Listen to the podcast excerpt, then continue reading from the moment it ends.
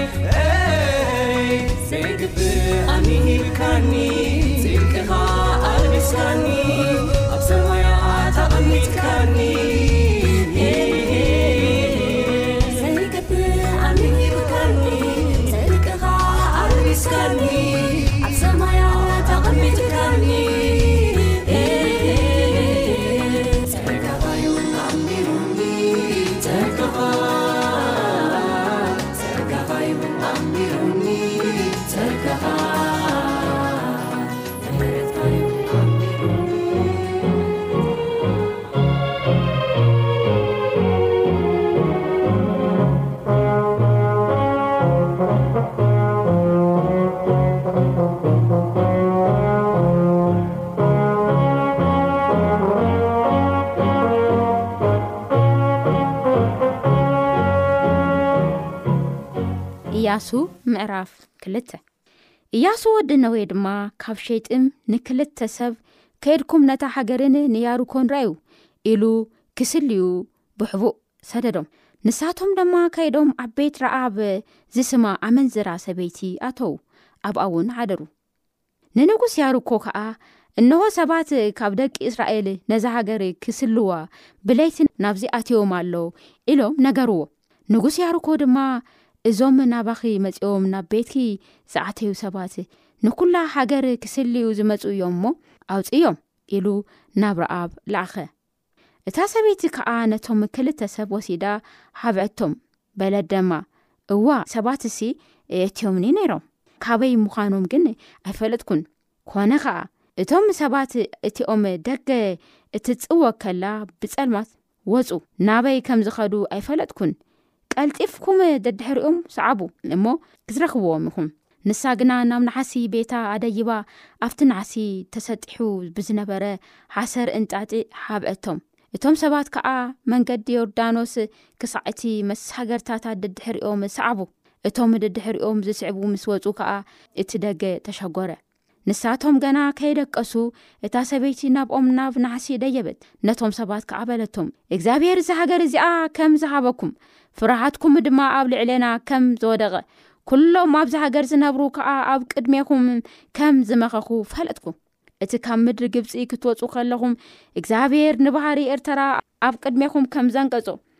ኣብ ስግር ዮርዳኖስ ኣብ ዝነበሩ ክልቲኦም ነገስታት ኣሞራውያን ከኣ ዝገበርኩሞ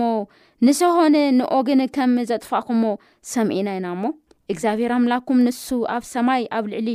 ኣብ ምድሪ ኸዓ ኣብ ትሕቲ ኣምላኽ እዩ እሞ ምስ ሰማዕና የው ልብና መኸኸ ኣብ ቅድሜኹም ድማ ትንፋስ ኣብ ሰብ ኣይቆመትን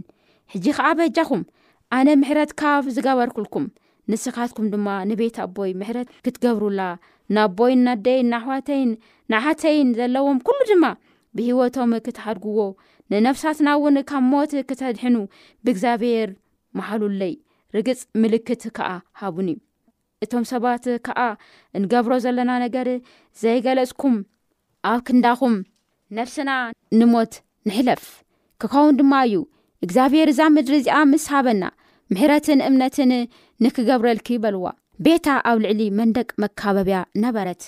ንሳ ድማ ኣብ ልዕሊ መካበብያ ትነብር ነበረት እሞ ገመድ ገይራ ብመስኮት ኣውረደቶም እቶም ደለይቲ ከይረኽቡኹምሲ ከረን ኣቢልኩም ክዱ እቶም ደለይቲ ክሳዕ ዝምለሱ ኸዓ ኣብኡ ሰለስተ መዓልቲ ተሓብኡ፣ ደሓር ድማ መንገድኹም ክዱ በለቶም። እቶም ሰባት ከዓ በልዋ፣ ንሕና ካብዚ ዝመሓልክልና መሓላ ንነጽህ፣ እንሆ፣ ንሕና ናብዚ ሃገር ክንኣቱ ከሎና፣ ነዚ ቀይሕ ገመድ እዚ፣ ኣብቲ ኣብ ዘውረድክና መስኮት ኣንጠልጥልዮ፣ ነቦኽን ነደኽን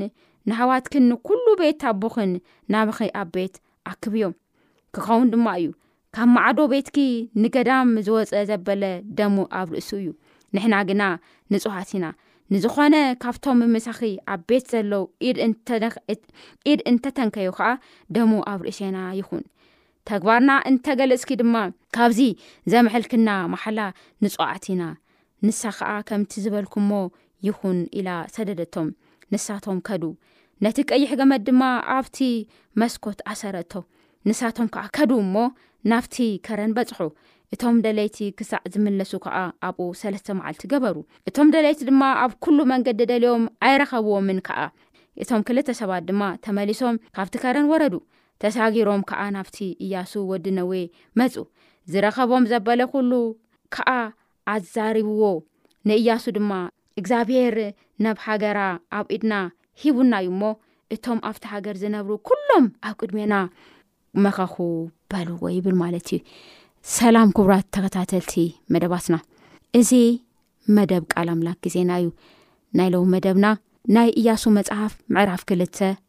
ከምቲ ሕዚ ዘንበብናዮ ብሓባር ክንርኢና ካብቲ ዘንበብናዮ ከዓ እግዚኣብሔር ዘምህረና ትምህርቲ ሓቢርና ክንምሃር ኢና ማለት እዩ ብዝሓለፈ ኣብ እያሱ ምዕራፍ ሃደ ሰለስተ ነጥብታት ርኢና ነርና ኢና እግዚኣብሄር ቃሉ ዘይዓፅፍ ንቃሉ እሙን ዝኾነ ኣምላኽ ከም ዝኾነ ርኢና ነርና እግዚኣብሄር ከዓ ንደቁ ዝሓስብ ኣምላኽ ምዃኑ ንደቁ ክሓስብ ከሎ ተብዒና በርትዕና ኣብ ቅድሚኡ ክንከውን ዘተባብዕ ዘበረታት ኣምላክ ከም ዝኮነ ርኢና ነርና እሞ ከዓ ንኣና እውን እግዚኣብሄር ከምቲ ሱ ቃሉ ዝህሉ ኣና እውን ቃልና ክነክብር ቃልና ክንህሉ ዝደሊ ኣምላክ ከም ዝኮነ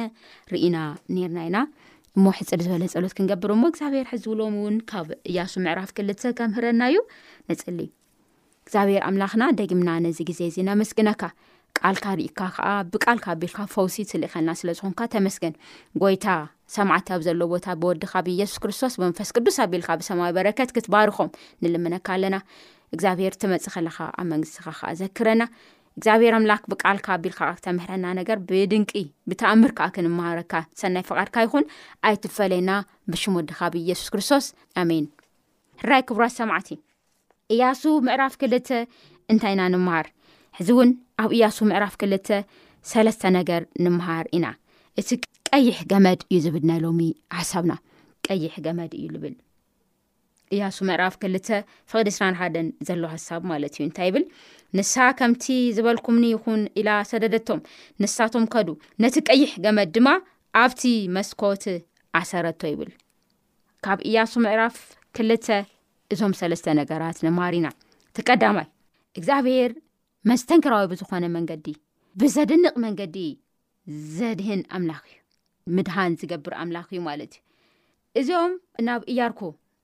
ክዱ ኢሉ እያርኮ ክዱ ኢሉ ዝሰደዶም እያሱ ዝሰደዶም ሰለልቲ እግዚኣብሔር ከመይ ገይሩ ከምልጡ ከም ዝገበሮም ተኣምር እዩ እዚ መስተንክራዊ ዝኾነ ስራሕ እዩ ተፈፂሙ ማለት እዩ እታ ክተድሕኖም ነዞም ሰባት ክተድሕኖም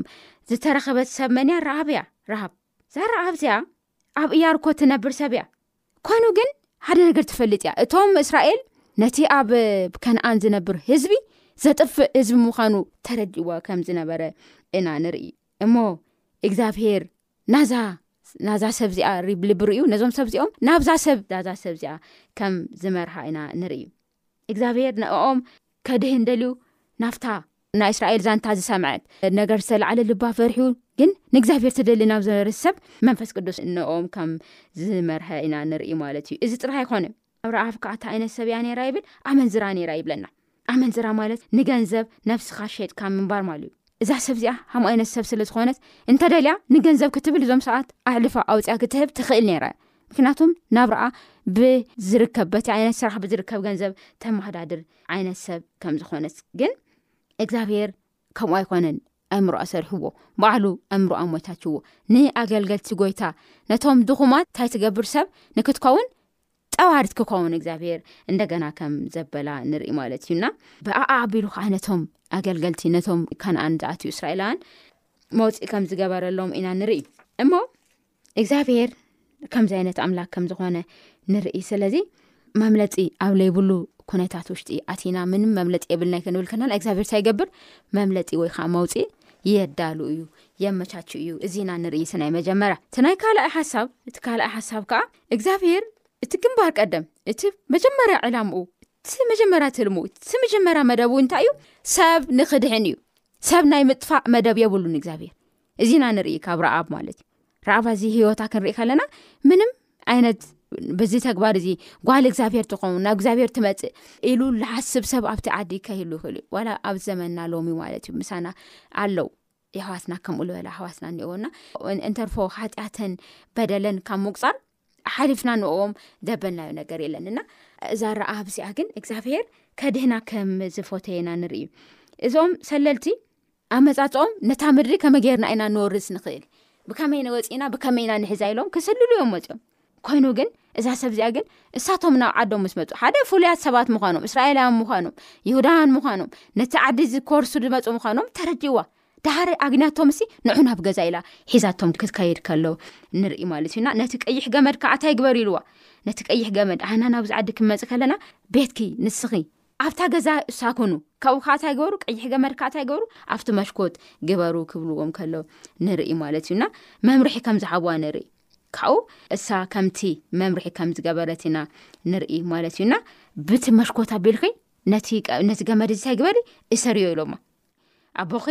እናኺ ኣሕዋትኪ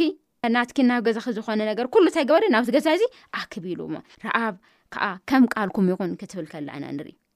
ከም ቃልኩም ይኹን ክትብል ከላ ኢናንርኢ ምስ ምስ በለት ንሳቶም ከዓ ከም ዝኸዱ ንርኢ ማለት እዩ ነቲ ቀይሕ ፈትሊ ከዓ ነቲ ቀይሕ ገመታይ ገራቶ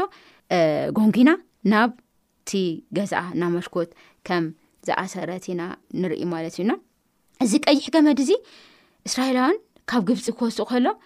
ኣብ በሮም ምስ ዝቀበኡ ዝነበረ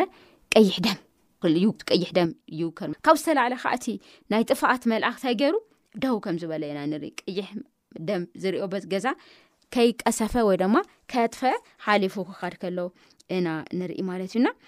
እዚ ከዓ ንመን እዩ ዘሳካክረና ክርስቶስ ምንታና ክብል ካብ ሰብ ንታሕቲ ካብ መቅሰብቲ ዘበለ ኩሉ ንታሕቲ ከም ዝኮነ ኣነ ከዓ ብናተ ቁስሊ ከም ዝድሃና ይነግረና ማለት እዩ ኣብ ክልስቲኡ ኩነታት እንታይ እኒኦ ቀይሕ እኒኦ ማለት እዩ እዚ ቀይሕ ነገር ዘርኢ እንታይ ዩ መስዋእትነት ናይ ጎይታና መድሃኒና የሱስ ክርስቶስ የርኢ ነይሩ እና እንታይ ይብለና ኣብ ኤፌሶን ሓደ ሸዓተ ኤፌሶን ሓደ ሸዓተ ከምዚ ይብለና ነቲ ቀይሕ ደም ወይ ከዓ ነቲ ቀይሕ ፈትሊ ኣመልኪቱ ክነግረና ከሎ ብእኡ ብደም ብምድሓን ማለት ከምቲ ሃፍቲ ፀጉኡ ህድገት ሓጢኣት ኣሎና ይብል ብእኡ ብደሙ ብምድሓን እሱ ከዓ እንታይ ኣሎና ሕድገት ሓጢኣት ኣሎና ይብለና ኩሉ ግዜ መፅሓፍ ክንገዝእ ክንከድ ከለና ተሸፈነ መፅሓፍ ኣይንገዝእን ንምንታይ ሲ ነቲ መፅሓፍ ውሽጡ ርኢና ነዋግኡ ርኢና ካብኡ እንታይ ትሕዝቶ ርኢና ኢና ንገዝእ ካብኡ ምስ ገዛእና ገዛ ወሲድና ከዓ ክናንብብ ኢና ስኢልና ሽፋኑ ከምዚ ገርና ሒዝና ስለ ዝረኣና ይኮንና ነዚ ፈፃ መፅሓፍ ኣብ ውሽጢ ለሉ ነገር እንተዘይፈሊጥና ክንፈልጥ ከምለይ ንክእል እዚ ይነግረና ማለት እዩና እዛ ረኣብ ጋላሞታ ዝተባሃለት ረኣብ እቲ ደገ መደግኣት ብደገ ዝረአ ነገራት ጥራይ እንተርኢና ክንፈርድ ንኽእል ኢና ዝተፈላለዩ ፍርድታት ክንህብ ንኽእል ኢና ግን ምፍራድ ጌጋ ከም ዝኾነ ንርኢ ማለት እዩና ረኣብ ገላሞታ ዝነበረ ሰብ እያ ወይ ከዓ ኣመንዝራ ዝነበረ ሰብ እያ እዛ ሰብ ግያ ግን እምነት ዓብዩ እዩ ነይሩ ብተግባር ዝግለፅ እምነት ከዓ ነይርዎ ማለት እዩ ሰብ ካሊእ ኣምዚ ይነት ሰብ ርዩ ክንዳየና እዩ ለብል ግን እግዚኣብሄር ኣብ ውሽጣ ዝረኣ ነገር ብመንፈስ ቅዱስ ኣቢሉ ክሰርሕ ከሎ ኢና ንርኢ ማለት እዩና ረሃብ ካብቲ ክመፅእ ዘሎ ጥፍኣት ከተድህን ትብል ከላ ንበይና ጥራሕ ይኮነ ንቤት ኣቦይ ንቤትነይ ንወለደይ ንሓዋተይ ኩሎ እንተፀዋእኹ ኣብዚ ቦታ እዚ እንተኣከብክዎም ካብ ሞት ነምልጥና ኢላ ነቶም ሰባት ክትነግሮም ከለና ንርኢ እዚ እንታይ ኢላ ርእካ እምነት ካብ ምትእዛዝ ወይ ከዓ ካብ ዝረአ ነገር ብላዕሊ ከም ዝኾነ ይነግረና እብራሂም ምዕራፍ ዓሰርተ ሓደ ረኣፍ ተጠቂሳ ክልተ ኣንሽቲ እየን ኣብዚ ኣብ ምዕራፍ ዓሰርተ ሓደ ኣብ ኤብራውያን ተጠቒሰን እኒኦዋ ሓንቲ ረኣብ ከም ዝኾነት ኢና ንርኢ እዚ ኣዝዩ እዩ ዝገርም እብራውያን ምዕራፍ ዓሰርተ ሓደ ፍቕዲ ሰላሳን ሓደን ከምዚ ይብል ዓሰርተ ሓደ ሰላሳን ሓደን ረኣብ እታ ኣመንዝራ ነቶም ሰለይቲ ብሰላም ስለ እተቐበለቶም ብእምነት ምስቶም ዘይእዙዛት ኣይጠፈእትን ይብለና ማለት እዩ ምስ ጀጋኑ እምነት ኣውዚ ረኣብ ሽማ ተጠቂሱ ንረክብ ኢና እዛ ሰብ እዚኣ እምነታ ዓብዪ ከም ዝኾነና ንርኢ እዛ ሰብ እዚኣ ንስድራኣ ክትሓስብ ከላና ንርኢ ንወለዳ ንኣሕዋታ ንኩሉ ሰብ ናተይ ለበለ ኩሉ ኣክቢ ኣእቲ ኢሎም ከም ዘበልዋ ካብኡ ከዓ ካብቲ ጥፋኣት ንባዕላን ንቤታን ከም ዘድሀነት ኢና ንርኢ ማለት እዩና ኣብ ማርቆስ ሓሙሽ ዓሰርተ ትሽዓተ ሓደ ዓይነ ስውር ሰብ መፅኡ ክርስቶስ ምስ ፈወሶ ክክተለካ ጎይታ ምስኻ ክመፅ ምስ በለ ኖ ክድ እግዚኣብሄር ዝገበረልካ ነገር ንታይ ግበር ንቤትካ ተዛረብ ይብለና ማለት እዩና ሎሚ ኣሕና ናይ ኣብ ቅኑዕ መንገዲ ኮይና ቤትና ዘለዎ ኣሕዋትና ግን ኣብ ላይኮም መንገዲ እተኮይኖም ኣሸጋሪ እዩ ዝኾን ማለት እዩ ስለዚ